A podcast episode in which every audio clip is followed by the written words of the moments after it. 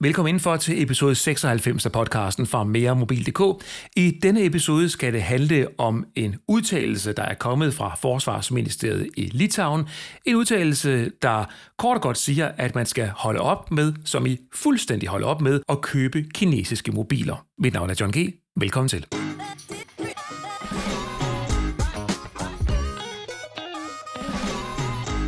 Hvis du har en Xiaomi-telefon eller en anden kinesisk telefon, så skal du smide den ud. Denne kontante melding kommer fra forsvarsministeren i Litauen. Årsagen er, at der er fundet en hemmelig funktion på en Xiaomi-telefon, der censurerer ord og vendinger fra kommunikationen. Vil at mærke ord, som den kinesiske regering ikke bryder sig om.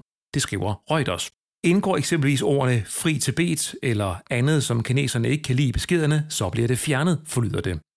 Og selvom det kun er Xiaomi, der er fanget i dette eksempel, så opfordrer den litauiske forsvarsminister til, at man straks holder op med at bruge telefoner fra kinesiske virksomheder. Det betyder også, at man skal droppe varemærker som Huawei, OnePlus, Oppo, Vivo og Motorola. Den hemmelige sensorfunktion i Xiaomi-telefonen er fundet i Xiaomi Mi 10T 5G, men den er angiveligt deaktiveret i de telefoner, der sælges i EU. Ifølge det litauiske forsvarsministerium kan funktionen dog aktiveres remote fra Kina på et hvilket som helst tidspunkt, altså noget, der kunne minde om en trojansk hest. Hvor valid er den her rapport, og hvor seriøst skal vi tage advarslen fra Litauen om ikke at købe kinesiske mobiler? Det har teleekspert John Strand fra Strandkonsult et bud på, og velkommen til dig, John Strand. Jo, tak. Hvad tænker du, når du øh, hører den her melding fra Litauen, at man skal smide sin Xiaomi-telefon ud? Hvis jeg det første, jeg kigger på, det er kilden, hvem er der kommer og siger det her, så finder jeg ud af, at de her mennesker, som dem, der kommer med det, det litauiske forsvarsministeriet, det er jo ikke en flok øh, tosser, det er jo seriøse mennesker. Det er folk, der virkelig know their shit, hvis man kan sige det sådan. De ved, hvad det er, de gør, og de har lavet en ret detaljeret, ret øh, tilbundsgående undersøgelse på tværs af en række telefoner, så jeg mener, at deres analyse, øh, deres tekniske analyse, den er jeg ret sikker på holder 100 procent. Står det virkelig så slemt til, at øh, vi skal smide vores, øh, vores Xiaomi-telefon ud? Altså er der en reel risiko? Det kommer an på, hvem vi er, og hvordan vi bruger vores telefon. Hvis det er en, en 8 år eller 10 år knæk, så er der måske ikke det store, men hvis du arbejder i en seriøs virksomhed, som ønsker at passe på de data, som der nu passerer din telefon, så skulle du måske overveje det. Vi ved jo faktisk, at der er i Kina over 100.000 statsansatte hacker, som bevidst og systematisk hacker vestlige virksomheder og offentlige institutioner i den vestlige verden. Og, og vi ved, at det er et, et, et, et kæmpe problem at Kina bevidst og systematisk stjæler viden fra virksomheder og offentlige myndigheder på, på tværs af hele verden. Og der er ingen tvivl om, at samtlige kinesiske virksomheder, de arbejder jo sammen med den kinesiske regering. Det er ligesom forudsætningen for at kunne drive forretning i Kina. At det er jo, at du som kinesisk virksomhed er underlagt kinesisk lovgivning, som siger, at de data, du indsamler, dem er du tvunget til at egentlig dele med den kinesiske regering. Du er tvunget til at arbejde sammen med dem. Så der er ingen tvivl om, at det er virksomheder, som arbejder sammen med et totalitært system, og i det totaliserede system, der har man en bevidst og systematisk overvågning af befolkningen, og de her virksomheders øh, produkter bliver brugt i den overvågning af befolkningen, øh, som vi ser i Kina. Gælder det her kun for Xiaomi's telefoner? Nej, jeg tror, det gælder for samtlige kinesiske producenter, fordi samtlige kinesiske producenter er underlagt den samme kinesiske lovgivning, og vi var allerede ude for snart tre år siden, dengang øh, der begyndte at komme en masse medier omkring Huawei, og sige, at det er ikke nok at se på Huawei. Vi var ude og sige, at altså, vi bliver nødt til at kigge på andre kinesiske producenter, Lenovo PC og Server for eksempel. Øh, Lenovo er delvis statsejet af den kinesiske stat. Øh, så jeg synes, det er meget vigtigt at, at, at forstå, at når vi opbevarer, behandler, transporterer data, og specielt data, som er vigtige eller sensitive, jamen så skal vi altså overveje, hvilken hardware vi bruger, og hvilken netværk vi transporterer det igennem. Men John Strand, kan man så ikke sige, at øh, så er det jo fuldstændig umuligt for os at have noget som helst teknologi indenbords øh, i vores hus eller vores virksomhed, fordi at, øh, hvad enten vi køber en øh, router eller en computer eller et tastatur eller en mus, så sidder der jo chipset i, der formodentlig er produceret et eller andet sted ude i Kina, øh, så er det der vel alligevel. Ja, du kan du så sige, chipsets, det er faktisk et af de steder, hvor kineserne ikke gør det særlig godt øh, fordi at øh, de avancerede chipsets, øh, det er faktisk vestlige virksomheder. Det kan godt være, at de har produktion i Kina, men det er vestlige virksomheder, der laver det, og vestlig teknologi. Så jeg tror ikke på, at øh, kinesiske myndigheder tvinger en amerikansk virksomhed, som producerer chips i Kina, til at implementere øh, sådan nogle ting i deres chips. Det er jeg ret sikker på ikke sker. Vi bør være bevidste omkring de her ting, og, og vi kigger meget på det her på tværs af mange produkter. Vi har kigget meget på chipsindustrien, hvor vi mener ikke, Kina har en, har en markedsposition på chipsområdet, som er, er, er nævnværdig. Det er andre lande, der sidder på det. Det er Korea, det er Japan, det er USA, det er Holland der må vi bare sætte os ned og sige, at vi bliver nødt til at forholde os til de her ting, og specielt i en verden, der bliver mere og mere digital, og hvor vi alle sammen under covid-19 har lært, hvor vigtigt det er at have god digital infrastruktur.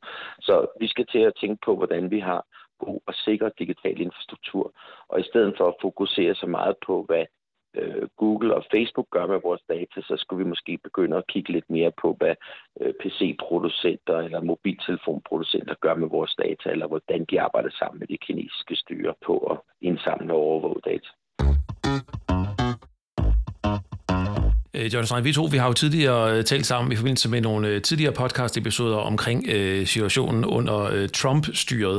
Øh, hvordan er øh, situationen omkring øh, den amerikanske politik i øjeblikket efter Joe Biden er kommet til? Altså er der kommet en opløsning i forhold til det kinesiske spørgsmål, eller er det bare øh, det samme som før? Det er fuldstændig det samme som før. Det sjove det hele er, at Trump han adopterede faktisk Obamas politik som faktisk går helt tilbage til 2005. Så der var mange, der troede, at det her det var Trump og hans handelspolitik med Kina, men det var folk, der ikke havde sat sig ind i tingene. Det går faktisk tilbage til 2005. Og det sjove det hele, det er jo, at demokrater og republikanere rørende enige omkring de her ting og sager. Øh, så, så, så det, der er interessant, det er at sige, at det er business as usual i USA, og amerikanerne er meget bevidste omkring de her ting. Ja, det sidste, Jørgen Strand, øh, nødt til lige at spørge, fordi øh, når vi laver de her interviews omkring kritik af, af Kina og kinesiske produkter osv., der er nogen, der udtaler sig, så møder jeg jo ofte øh, læsere, der skriver til mig, eller i kommentarfeltet efterfølgende, at brugere, der siger, jamen, øh, de folk, der udtaler sig, har nogen interesse i at skade Kina. Så, så direkte adspurgt, i din forretning, Strandkonsult, hvordan er det der? Altså har du en interesse i at spænde ben for kinesisk teknologi? Overhovedet ikke. Vi lever af og kun af og levere viden til teleselskaber over hele verden. Og vi fortæller teleselskaber om, hvordan den teknologiske udvikling er, forretningsmodeller, hvordan verden og markedet udvikler sig. Det er den ene del af vores forretning. Og den anden del af vores forretning, der fortæller vi, hvilken regulering er der, hvilken regulering er der på vej, og hvordan kommer det at påvirke teleselskaberne. Og vi har jo fra, fra starten af forholdt os kritisk til de her ting, fordi vi siger, jamen, der er der sikkert mange, der godt kan lide Kina og synes, det er fint, der er mulig stats, men det er et totalitært system. Og, og jeg er så gammel, så jeg kan godt huske den gang, hvor vores land havde en, et meget klar holdning til apartheidstyret i, i Sydafrika og til Allende øh, styre i, i Chile. Og, og der er jo ingen tvivl om, at der er nogle lande, som måske ser positivt på Kina, fordi de håber, de kan lave noget business med et stort land. Faktum er bare, at Kina er et totalitært system, som bevidst og systematisk overvåger befolkningen og undertrykker store befolkningsgrupper. Øh, og, og der er bare faktum er, at Kina er også et land, som bevidst og systematisk øh, overvåger, udspionerer og stjæler data fra vestlige virksomheder. Og det er det, vi må forholde os til. Jeg sidder og tænker på, øh, øh, her i Danmark, der har vi jo øh, Xiaomi på, på markedet, øh, altså på telefonmarkedet, men vi har også øh, til dels øh, Huawei øh, stadigvæk, de er der jo trods alt repræsenteret, selvom de ikke sælger så mange telefoner lige nu, som det er. Men derudover så har vi jo øh, OnePlus, og vi har jo også Motorola, som jo også er kinesiske virksomheder. Sidst nævnte dog med øh, kontor i Chicago, så vidt jeg husker. Øh, er det alle sammen øh, at betegne som kinesiske virksomheder, eller er der en familieomstændigheder, hvis, hvis det er, at man for eksempel har øh, noget af sit øh, sit forretningsimperium øh, kørende i for eksempel USA? Altså, øh, Lenovo ejer Motorola, så Motorola er bare et brand. Kina har generelt gjort det, at de har købt brands op, og så putter dem på gode kinesiske produkter, men for at øge værdien. Så hvis du går ind i en, i en hvidevarebutik i USA og køber en GE opvaskemaskine eller komfur, så er det et kinesisk produkt, der bare har fået et kendt amerikansk navn. Tilsvarende så købte de jo Lenovo, købte ThinkPad-brandet og den del af forretningen af IBM. Øh, og i, hvis vi kigger på det, øh, så øh, Goranje, som laver vaskemaskiner og opvaskemaskiner i, i det gamle Jugoslavien, jamen det er i dag en kinesisk virksomhed. Så når vi sætter os ned og kigger på de her ting, jamen så må vi bare konstatere, at kineserne i stigende grad køber brands, og så putte dem på kinesiske produkter, for vi skal føle os mere trygge ved at bruge de her produkter. Så det er ikke en familieomstændighed, at Motorola har øh, kontor i, øh, i Chicago? Nej, for det, der er i Chicago, det, det er den anden del af Motorola. Det, det er den del af Motorola, der laver infrastruktur, til infrastruktur og primært til øh, nødnet, som altså tetranettet, vi har i Danmark, som politi og brandvæsen bruger. Så det, det, det Motorola er ikke Motorola som telefonerne. Der er to Motorolaer. Der er telefonerne, og så er der Motorola infrastruktur i Chicago. Det er to vidt forskellige ting. Som altid i techbranchen, der er ikke noget, der forholder sig fuldstændig, som det ser ud på overfladen. John Strand, tak skal du have. Tak, John.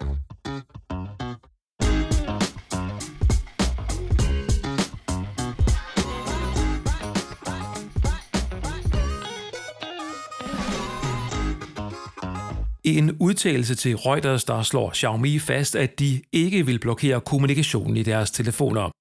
Xiaomi har aldrig og vil aldrig begrænse eller blokere personlig adfærd for vores smartphone-brugere, såvel som søgning, opkald, webbrowsing eller brug af tredjeparts kommunikationssoftware, lyder det fra virksomheden.